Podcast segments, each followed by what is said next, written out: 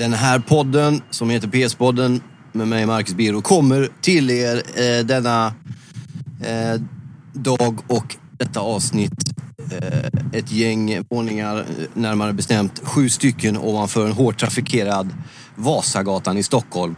För att ge er lite ljudlig illustration kring hur många upplever tillvaron just nu så här efter semestrarna. Det är dags att komma tillbaka till arbete, rutiner, vardag. Har man inget arbete så är det ändå någon form av återgång till rutiner, söka jobb, familj igen, skola börjar, förskola börjar, anhöriga, fruar, män, vad det nu kan vara. Deras jobb tar fart. Alltid ihopklämd i en svettig husbil någonstans eller under du vet, halvtaskigt plågsamma förhållanden på någon sommarstuga eller kanske alldeles ljuvliga semesterminnen som man har att bevara när vardagen eh, eh, kommer igång. Och eh, det, om detta så tänkte jag att man då skulle prata om detta, det första avsnittet av eh, eh PS-podden efter sommaren. Och det är Mats Wendahl som vi har bjudit in här som är coach och eh, vägledare i eh, näringslivsfrågor, i eh, stresshantering, i ledarskap och en massa annat. Och han hjälper oss lite grann att reda ut de här eh, begreppen kring hur vi tänker när vi återvänder från en semester. Vad, vad bör man tänka på? Hur bör man tänka? Är det okej okay med mjukstart? Han är inne på en skön grej. Ni får lyssna på avsnittet såklart. Men han nämner ju det där om att eh, det är, om man slår ut över året, två månader vi är lediga och ändå talar vi om att vi vill ha mjukstart när vi kommer tillbaks. Hur ska vi starta efter semestrarna? Är det mjukstart eh, eller ska vi köra igång direkt? Och så avslöjar han att eh, det bästa sättet, och det kan ju vara lite sent nu, men det kan vara bra att komma ihåg till nästa gång, att det bästa sättet att starta en arbetsperiod efter en semester, eh, det är att ha förberett allting innan. Eh, nämligen innan vi gick på semester.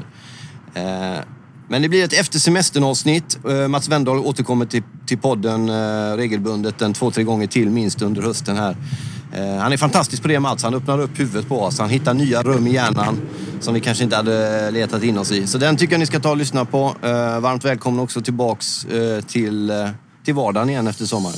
Då är det sant nu att framförallt hälsa Mats Wendahl tillbaks till PS-podden. Tack så mycket. Hur är läget? Det är bra faktiskt, ja. som vanligt. Ja. Det är skönt att komma tillbaka i verkligheten igen efter ledigheten. Gillar du verkligheten? Ja, den lever jag i varje dag. ja, exakt. Ja, en del ägnar ganska mycket tid åt att fly den också. Ja, det kan man göra. Ja.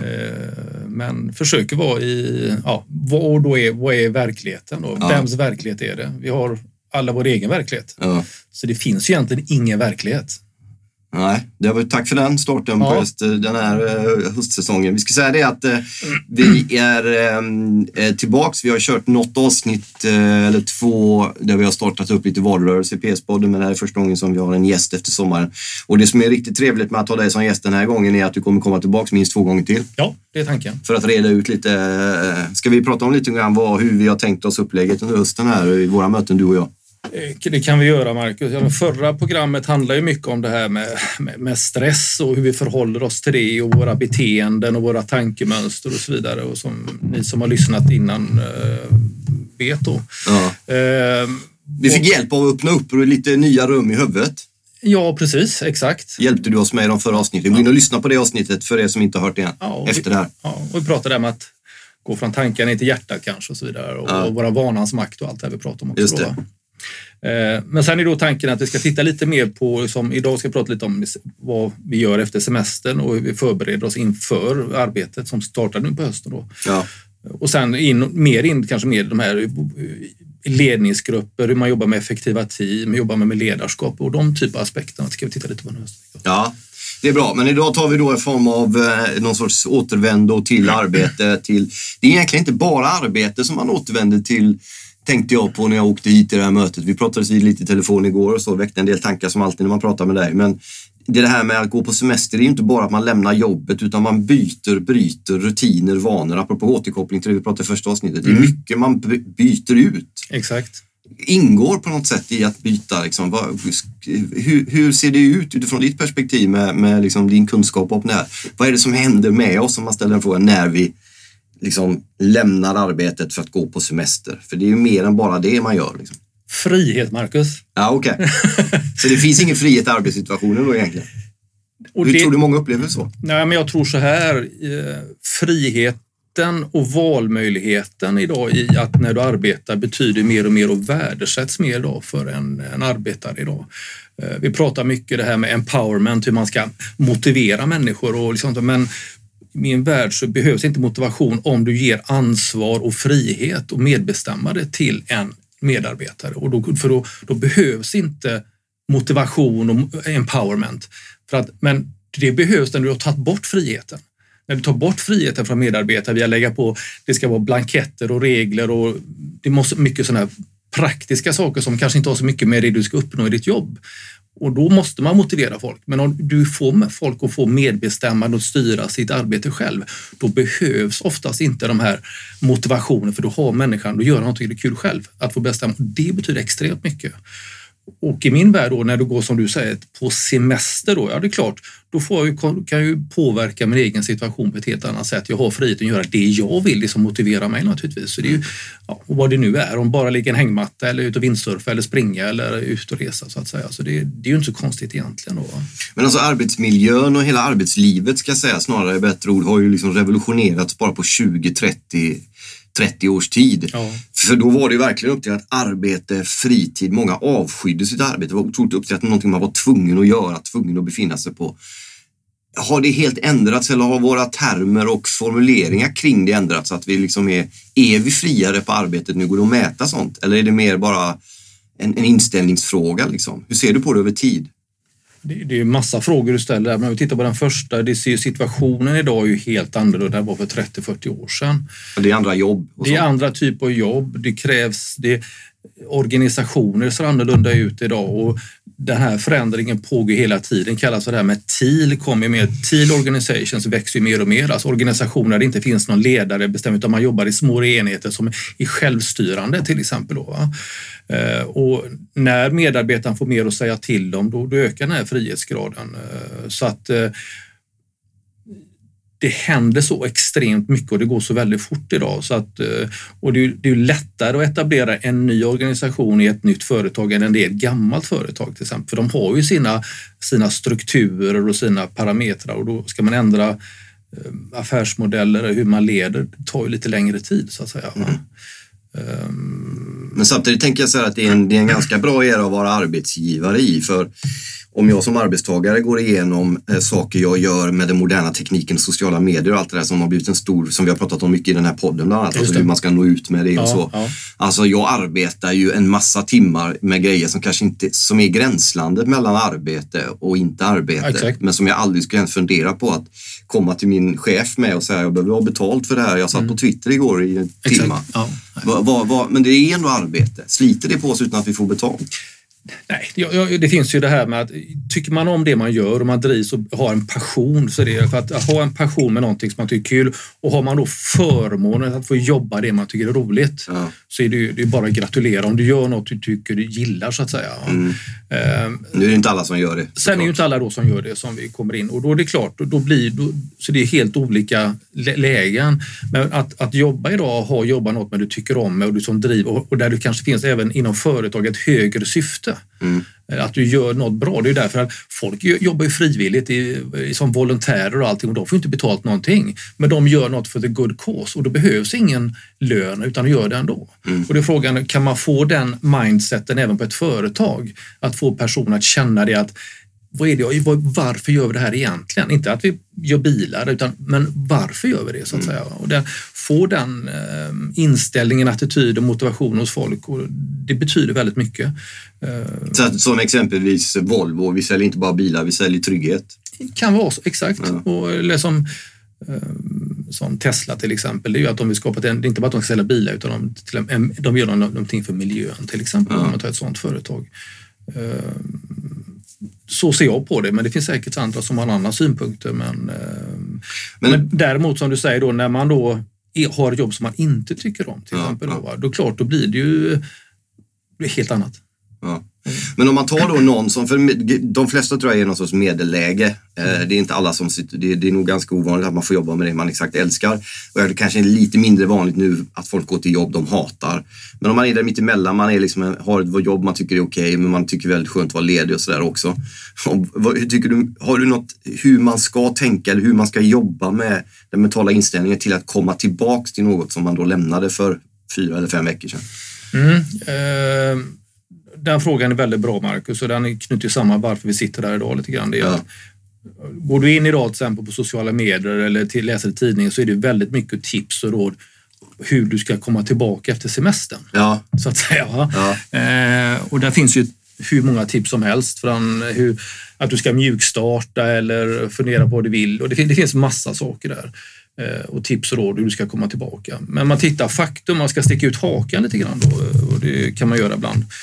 Men det faktum är att vi har fem veckors lagstadgad semester i Sverige i stort sett. Då, va? Ja. Och sen har vi lite röda helgdagar och lite annat runt omkring. Så i stort sett är vi lediga kanske, nästan två månader som inte är på jobbet. Ja, Om man tänker på sjukskrivningar och ja, vi, vi passar barnen och allt det här. Va? Ja. Föräldradagar och allt runt omkring. Nu. Så säg knappt två månader som vi inte är på jobbet. Ja om vi då också ska mjukstarta och jobba, ja. liksom, du har ju ändå ett jobb att sköta så att säga. Va? Ja. Så att, eh, med det sagt då så är det så att jag, jag pratar mycket företag och nu när man kommer tillbaka så ska man sätta igång och allting. Men frågan är, tycker jag är viktigt, vad gjorde ni innan semestern? Mm. Det är inte frågan vad du gör nu, men reflektera. Vad gjorde ni innan semestern? För många företag eller de jag pratar med, det är så mycket innan semestern. Jag måste få klart det här. Det är mycket brådskande saker. Saker som är på listan så att säga. Mm. Och så släpper man så går man på semester då. Och så kommer man tillbaka och så ska man ha den här komma igång igen då. Den första veckan då ska vi prata om hur semestern var och vi ska träffas, vi ska mingla och vi ska ha kul tillsammans. Så ska vi ha lite möten och vi ska lägga strategi. Så frågan hur många veckor går det i augusti, september innan du kommer igång? Ja. Vad hade skillnaden varit om du satt de sista två veckorna på jobbet och sa att okej, okay, hur vill vi att första veckan ska se ut när vi kommer tillbaka? Ja, du menar att man redan i tidig sommar? Ja, ja innan ni går på semester ja. så ska de första veckorna redan vara klara. Ja. För det handlar om förberedelse och disciplin. Ja. För om du är då i förberedd och du vet när du kommer tillbaka första veckan, då har jag det här, det här, det här, det är det jag ska göra. Då kan du koppla av under semestern. Du behöver inte fundera på liksom, undra vad som händer när jag kommer tillbaka. För det vet vi redan. I teamet, i gruppen med ledarna, så har vi redan bestämt till vad vi ska göra. Vad är viktigt? Och när vi kommer tillbaka så är det återigen, vad är vårat nummer ett? Mm. Vad är det viktigaste den här månaden? Att prioritera, exekvera. Prioritera, exekvera. Mm. För det är att veta, så vi har samma målbild, vi kör på vi hade i våras och allt det här. Va? Har vi gjort det grundarbetet, då har vi mycket vunnet. Men det, låter, det, det känns lite som en sån här, nästan oskriven lag för en arbetsgivare att gå varsamt fram efter semestern. Alltså oavsett egentligen hur man jobbar i, i, i början av semestern, så säga, eller i början av sommaren, då, i slutet innan man går på semester. Mm. Tror du att finns, vågar arbetsgivare säga det att när ni kommer tillbaks Alltså, ni kan väl skicka någon mejl till varandra om hur ni gjorde och sitta och snacka på kaffe, men vi ska ha resultat första veckan här. Ja, Skulle inte folk bli så här, men du, vi, så här är det i början, vi brukar göra så här alltid. Ja, men då, den frågan leder ju till en annan, egentligen ett annat svar. Det är alltså att, att alla har vi ett ansvar. Ja, det är riktigt. Alla har ett ansvar och vi har någonting vi ska leverera och vi har någonting som ska vara klart. Men först, direkt när du sa den grejen, och du sa det igår när vi pratade inför också. Första tanken, man, när man, det är så här, okej okay, nu har jag ett ansvar, vem kan jag prata med om det? alltså vem kan jag lämna över mitt ansvar till? Du ska, vadå? Nej, exakt. Lämna över det till? Nej, precis. Men första tanken är ju flykt där. Ja, det man vill ha någon annan som har större ansvar. Ja, eller att peka finger att det inte är mitt fel, ja. det som hände. Va? Men ja. det är att ta ansvar och ta fullt ägandeskap och, och det och som är min uppgift, det är det det handlar om, inte skylla ifrån oss. Och det gäller ju chefen också. Ja. En ledare tar ju fullt ansvar för teamet även och så vidare. Men det är ju chefen. Det finns inga dåliga team, det finns bara dåliga chefer. Mm. För det är chefens uppgift att få. Och har du inte kommunicerat och alla vet vad är hans ansvar, då är det någonting, då får man ju börja jobba där. Ja. Men ansvarsfrågan och äga ansvar och ta fullt ansvar, det är det det handlar om. Och du vet vad du ska göra. Sen är det ju upp till dig att skapa den här friheten att hur du gör det, det är upp till dig själv. Om du väljer att de första två dagarna ta det lite lugnt, ja det är väl bra det. Men i slutet av månaden, då ska du ha gjort det här och då måste det vara klart. Mm. Sen är du, vad du gör med den tiden och själv, det är ju det ansvaret och den här friheten som många vill ha. Mm. Att kunna styra de här, uh, sin uppgift själv. Men är det olika svårt att ta det personliga ansvaret beroende på vilken, uh, vilken grupp man ingår i? är det lätt att skylla ifrån. Om man är en grupp där det är lite så här, men vi brukar första två veckorna så lajar vi, vi vet ungefär det om vi är på en arbetsplats. Då är det svårare, tror jag, om jag formulerar mig så, att ta det personliga ansvaret. Därför att ingen annan gör det. Men, men om det inte funkar i teamet, ja. om, ingen annan, om annan, ingen tar ansvaret i teamet, ja. då, ligger ju, då är det något som är dysfunktionellt i teamet. Ja. Om vi inte har, håller varandra ansvariga för att vi ska nå vårt gemensamma mål, utan någon tar ett ansvar, några tar inte, då, har ju, då är inte gruppen homogen. Då har vi inte klar målbild vart vi vill och vi, har, vi, är, vi håller inte varandra ansvariga för våran, vårat mål och det ligger på ledaren. Ja, precis. Men med din erfarenhet, har ledare koll på det här i allmänhet? Hur mycket jobbar man med organisationen så här seriöst som du säger? Tänker man verkligen, man sätter ihop en grupp, att vi måste ha personer som består av det här? Eller sätter man ihop folk och sen efteråt ser, oj vilken samling vi har? Ja, det där varierar jättemycket. Ja. Det kan variera jättemycket. Eh, hur, hur en, en del ledare är ju väldigt ner i detaljerna och är mer kon, kontrollerar och bestämmer och styr. Mm. Medan andra har mer ett coachande ledarskap. Just att det här att delegera, ge, trycka ner ansvaret neråt mm. eh, till mindre grupper. Ja, men som ledare kan du inte ha för många under dig innan, för då till, till slut tappar du liksom kontrollen på gruppen. Utan en åtta, åtta personer är ungefär ett team i storleksmässigt vad den ska vara. Börjar det gå att du är ansvarig för 15-20 personer, då har du för stor grupp. Då måste du ha underchefer. Och det är klart, som, har du en mellanchef, det är klart du kanske som chef kanske inte får reda på allting som sker. Mm. Och det kan ju vara ett dilemma. Man... Framförallt är det ett dilemma om du då ändå är den som har det slutgiltiga ansvaret. Om du inte vet vad som händer så plötsligt kommer det en, en, ja. en, effekt av någonting. Exakt. Och då är du ansvarig för det och du vet inte ens vad som har hänt. Nej, men du får, då är det ditt problem ändå. Hur bygger man en riktigt bra organisation? Då? Ja, men då jobbar du, då jobbar du med kulturen i organisationen kulturen i organisationen är otroligt viktigt. Det som sitter i väggarna, värderingar alltihopa. Jobba med kulturen. Och det är inte vad, vi säger utan det är hur vi gör som är det och vad du, vad du tillåter för beteenden och attityder. Mm. Men vad, det sitter ju inget i väggarna. Det är ju ett big uttryck bara. Ja. Jag har hört det också mycket, jag har mycket med fotbollen, så är det så här att ja, men, vinnarlag, exempelvis Juventus i Italien, så mm. de har någonting vinnarkultur, sitter i väggarna och så mm. intervjuar de tränaren om det där yes. begreppet och han sa det att ja, men det är ett vackert uttryck men det är inte det det handlar om utan här handlar det, för mig handlar det om att varje morgon banka in huvudet på mina då, om, ut, om vi jämför organisationer, företag, fotboll till sina spelare. Mm. Ni är inte bättre, ni, ni, ni, är inte större än i sista match. Nu handlar det om att leverera. Och, och vad han, hans främsta uppgift gick ut på att plocka högmodet ur dem. Att få dem att fatta att de är liksom, du vet. Ja. Eh, hur ser du på den här, eh, alltså, men, men när det gäller stora organisationer och, och folk som och, och, delegerar, vilken är den bästa organisationen? Vilken är det som funkar bäst? Det, det där är väldigt beror på vad det är man gör kanske? Ja, det beror på vad man gör och vad är det för typ av, exakt vilken industri man är i så att säga. Va? Ja. Uh, Men att sitta i väggarna, att, att, om, vad är det som sitter i väggarna och hur bygger man? Ofta, så är det ju detaljer anser jag som är Alltså att vara noggrann i detaljer gör att man bygger så, på lång sikt en vinnarkultur. Så är det inom fotbollen och Sverige. kanske inte går att överföra i näringslivet ordagrant. Mm. Men... men kultur, i min syn, där kan jag också andra olika åsikter, men allting kommer uppifrån.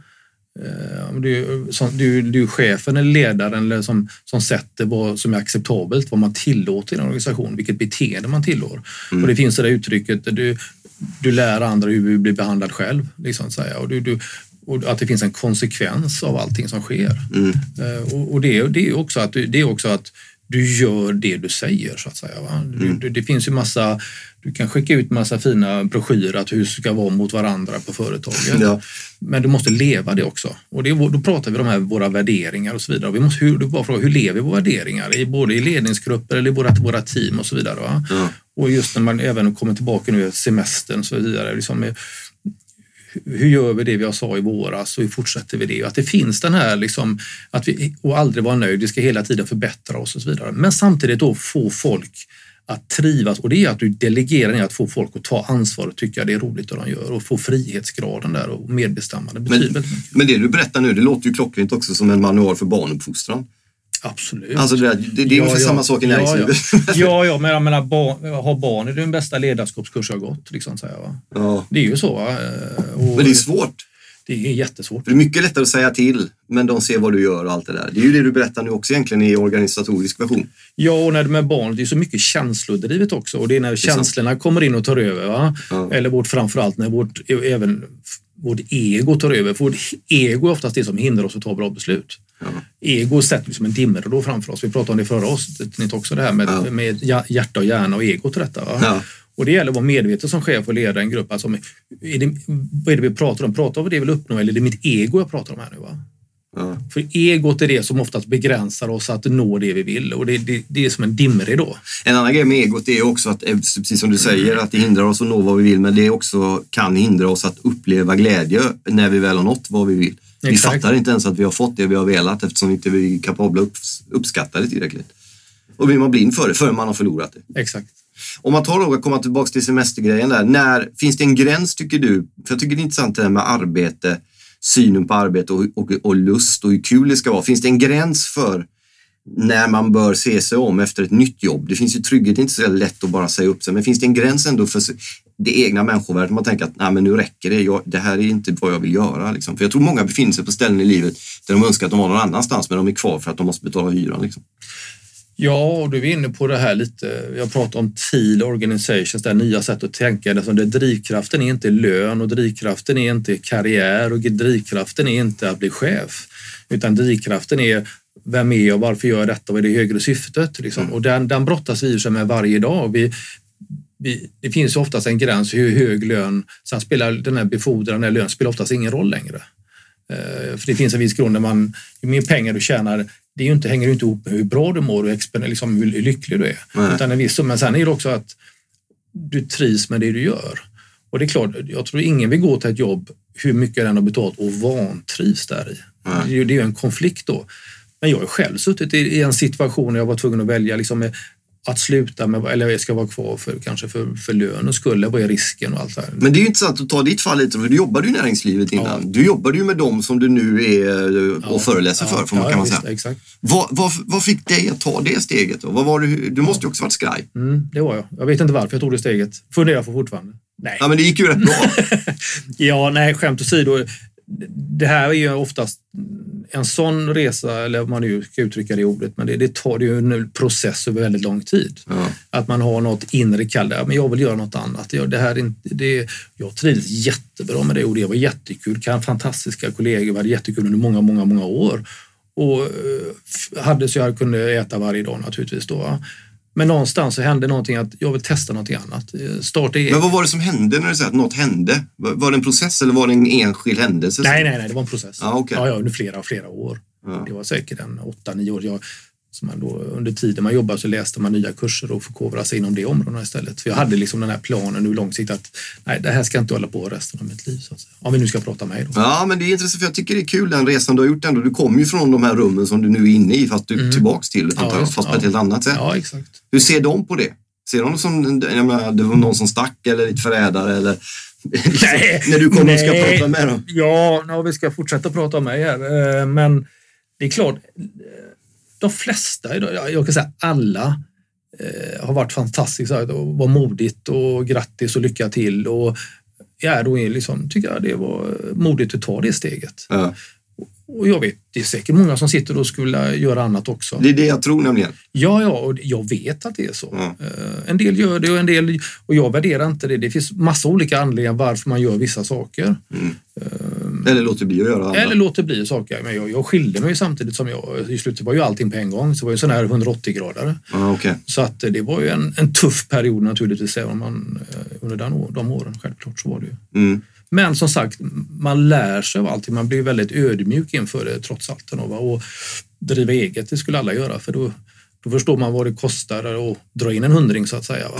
Ja, exakt. Ja, när man får den här lönen varje månad och så vidare och ja. de här fringisarna kanske man har vid sidan om då på företaget. Vad den är. Men, men när du är egen så ska du dra in det själv och du, det är mycket runt omkring det där.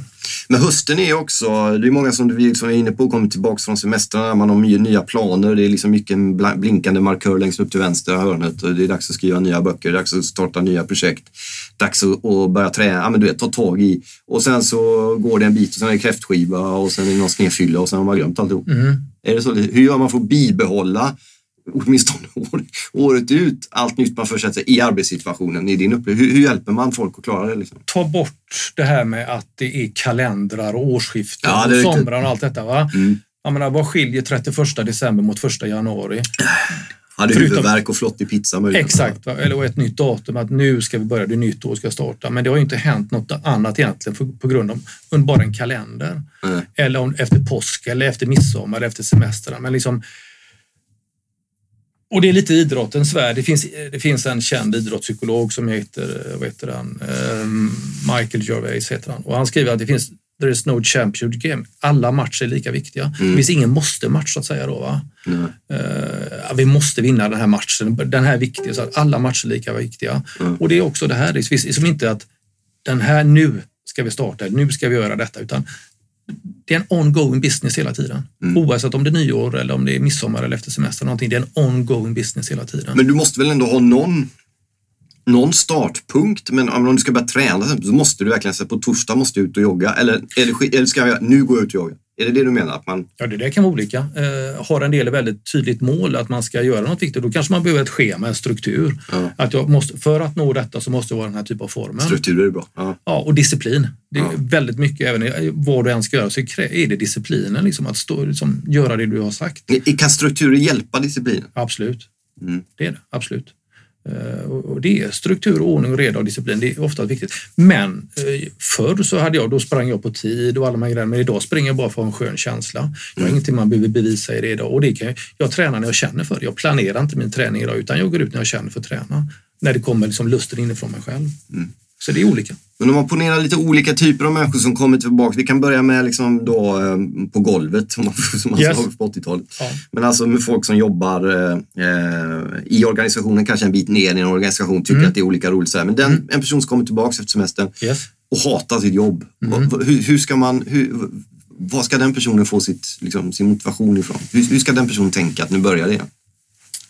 Ja, om man hatar sitt jobb Um, Apropå det egna ansvaret kanske? Ja, och då frågar man vad är det i mitt jobb som jag inte tycker om? Vad är det i det som jag hatar så att säga? Va? Mm. Hatar ett starkt ord kanske, men Nej, men man, man, man vantrivs. Det, det, man, det, lite, det skaver lite. Det skaver lite. Det är bättre kanske. Ja, och då är frågan, vad kan jag göra för att vara väldigt bra på det jag gör istället? Då? Mm. Eh, hur, kan jag vara, hur kan jag göra mitt jobb roligare? Men det är klart, vantrivs det av olika anledningar, då, då, kanske man ska titta efter något annat om det går naturligtvis. Självklart. Ja. Att byta. Om man skalan vantrivs så att säga. Mm. Eh, men det där, är, det där är en svår fråga, eh, för en del har ju inte valmöjligheterna. Det kanske inte finns jobb där du bor i den, i den lilla, eh, om det är en ort eller kommun. Du, du, är liksom, du känner att du kanske är fast i det du gör. Mm. Men sen är det så, du har, alla har ju ett val även där och hur långt är jag villig att sträcka mig mm. för att vara kvar här och någonstans, vad kan jag göra för att ändra min situation? Och vad blir konsekvenserna av det? Så att det är ju någonting som man får fundera på. Men ju högre upp i olika hierarkier man kommer, jag har ju varit en del mediala, hög, väldigt högt upp i en del hierarkier. Ja. Nu något längre ner möjligen. Men, eh, och jag trivs faktiskt bättre. Jag mår bättre nu än jag var då folk skulle förvänta sig att man skulle må bra. Varför det? Uh, Bra fråga.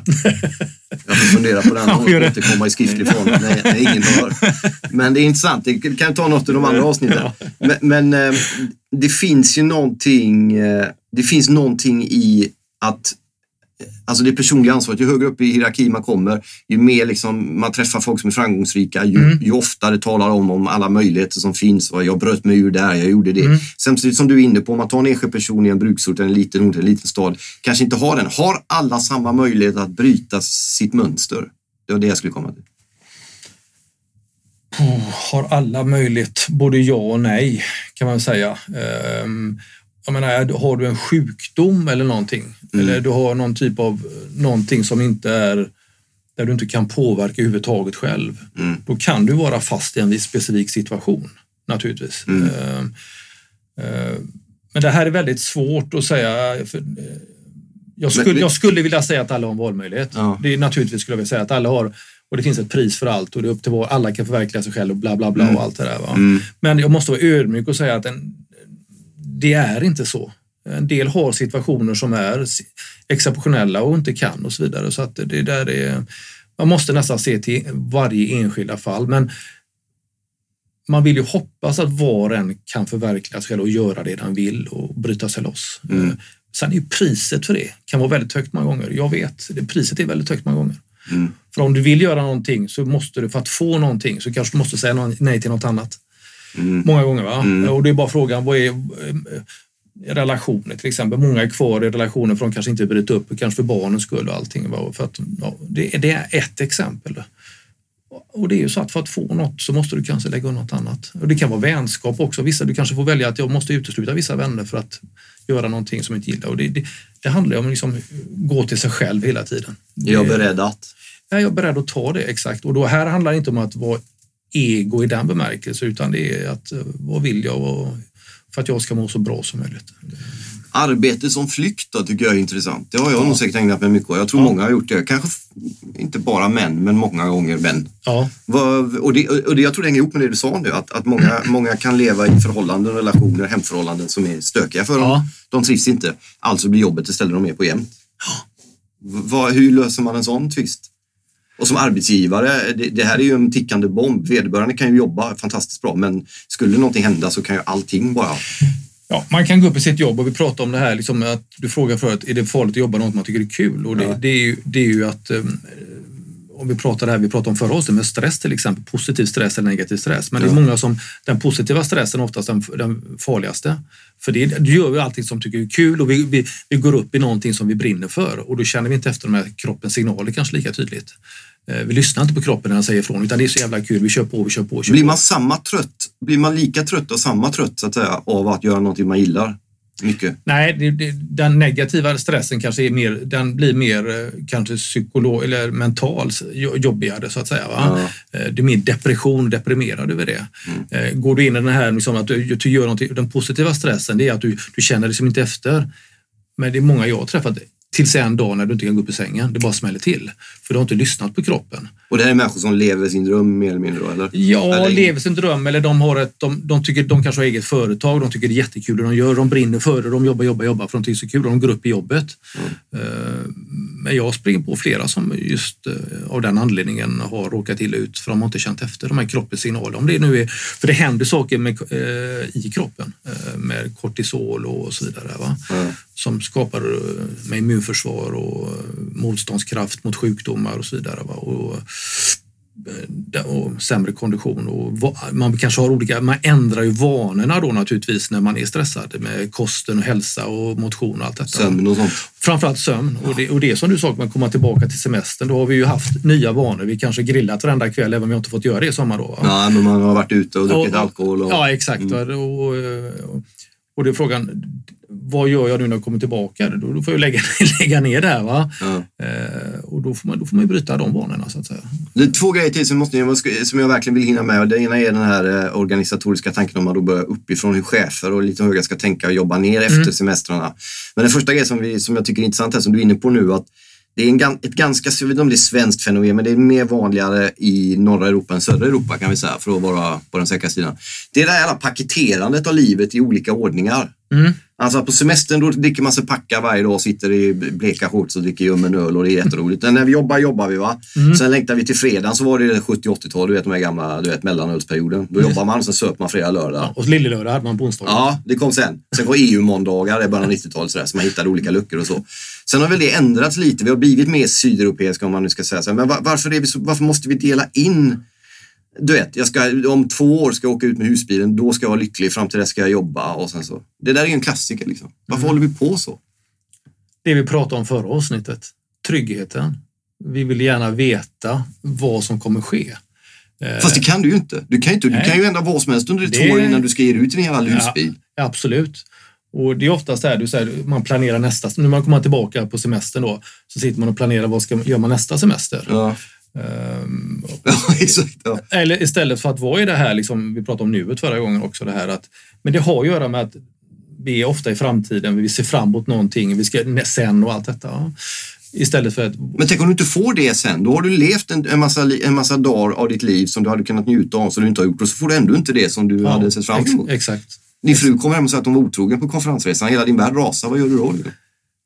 Ja, ja nej, det, Nej. Det... Men om man tar tillbaka frågan och säger så här, hur gör man då för att konkret om man kommer tillbaka från semestrarna, jobbet börjar komma in, det liksom, tar lite trögt. Hur gör man för att hitta några skärvor av den här semesterfriheten även i sin arbetsvardag? Går det? Eller är det sunt att dela upp det mellan jobb och ledigt, noga? Och, hur, hur är din syn på det? Nej, men jag tror återhämtning är viktigt. Eh, och som semestern är ju den typ av återhämtning. Även om kanske många som har haft semester, de har kört full fart hela semestern och varit på Smögenbryggan varje dag ja. och är helt slut när de kommer tillbaka. Ja, det tror jag är rätt vanligt. ja, men det, är inte, och, och det, det, kan ske. Och en del har åkt ut på landet och legat i hängmattan eller en del har, har bara kopplat av. Ja. Och det är väldigt olika. Och då får man ju se som, vad har jag gjort på semestern. Har jag, har jag tagit den möjligheten att ladda batterierna för att kunna då ha drivkraften, motivation och energinivån när jag kommer tillbaka. Mm. Och, det, och där är vi tillbaka till det egna ansvaret igen då. Eh, liksom, vad har jag gjort under semestern? Har jag använt den på rätt sätt för mm. att kunna orka? Och sen är det då som du själv kan jag ta med mig semestern in i vardagen? Ja, det är ju att lära sig att återhämta sig på helgerna, skapa möjligheter. Det, det behöver inte hända massa saker på helgen. Planera middagar, utan återhämtning om du lever under stress och sånt så är det otroligt viktigt att du får den. Mm.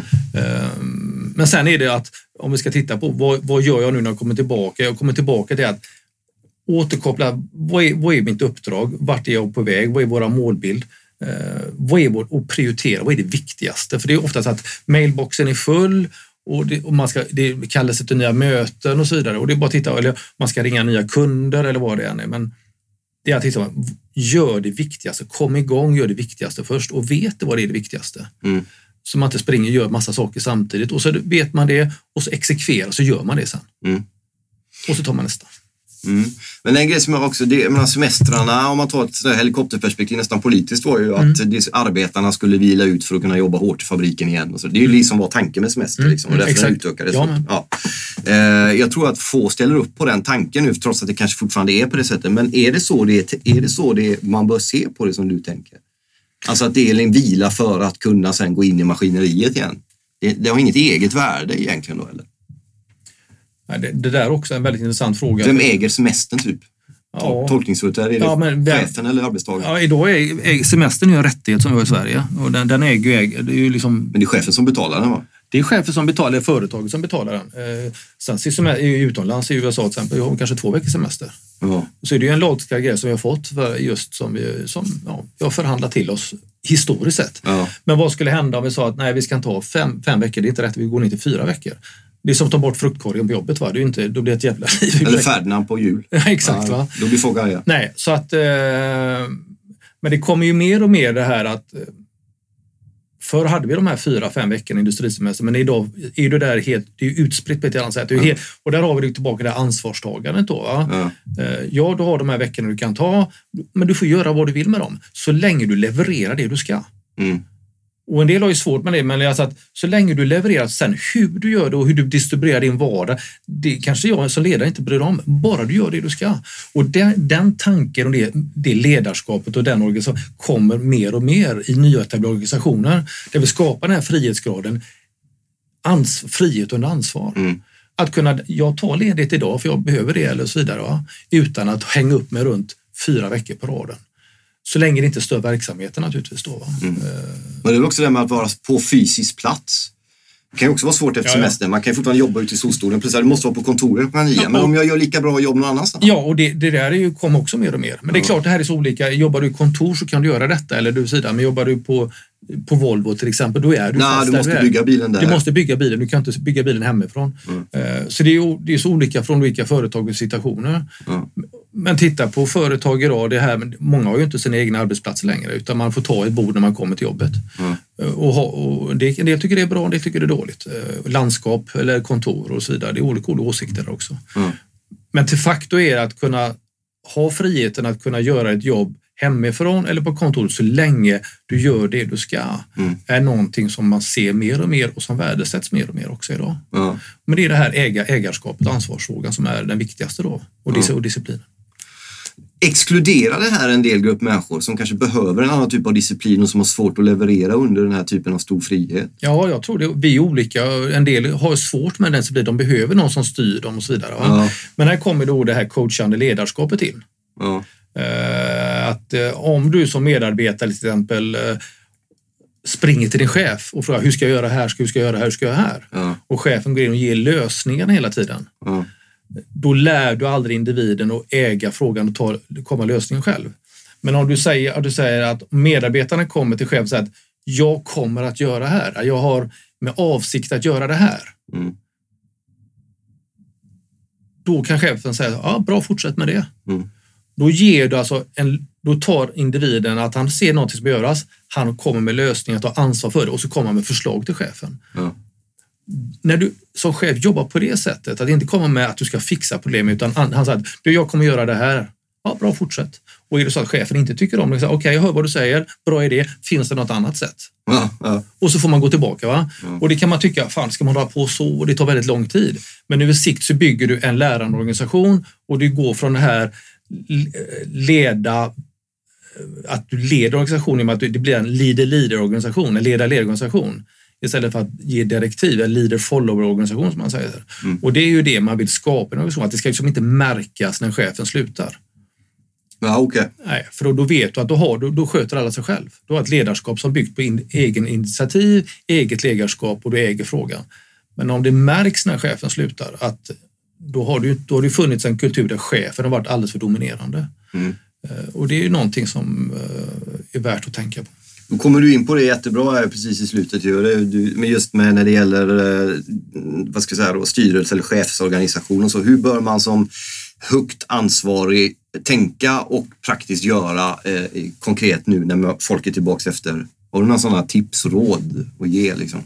Ja, naturligtvis. Vi, vi samlar, man ger någon dag och sen samlar med teamet och så kör man, ja, kör man en rundgång. Hur har ni haft det på semestrarna? Eh, alla får berätta om sig, vad som gått igenom. Man, lyfter de här liksom rent sociala bitarna Ja. och vi berättar vad det varit och så vidare.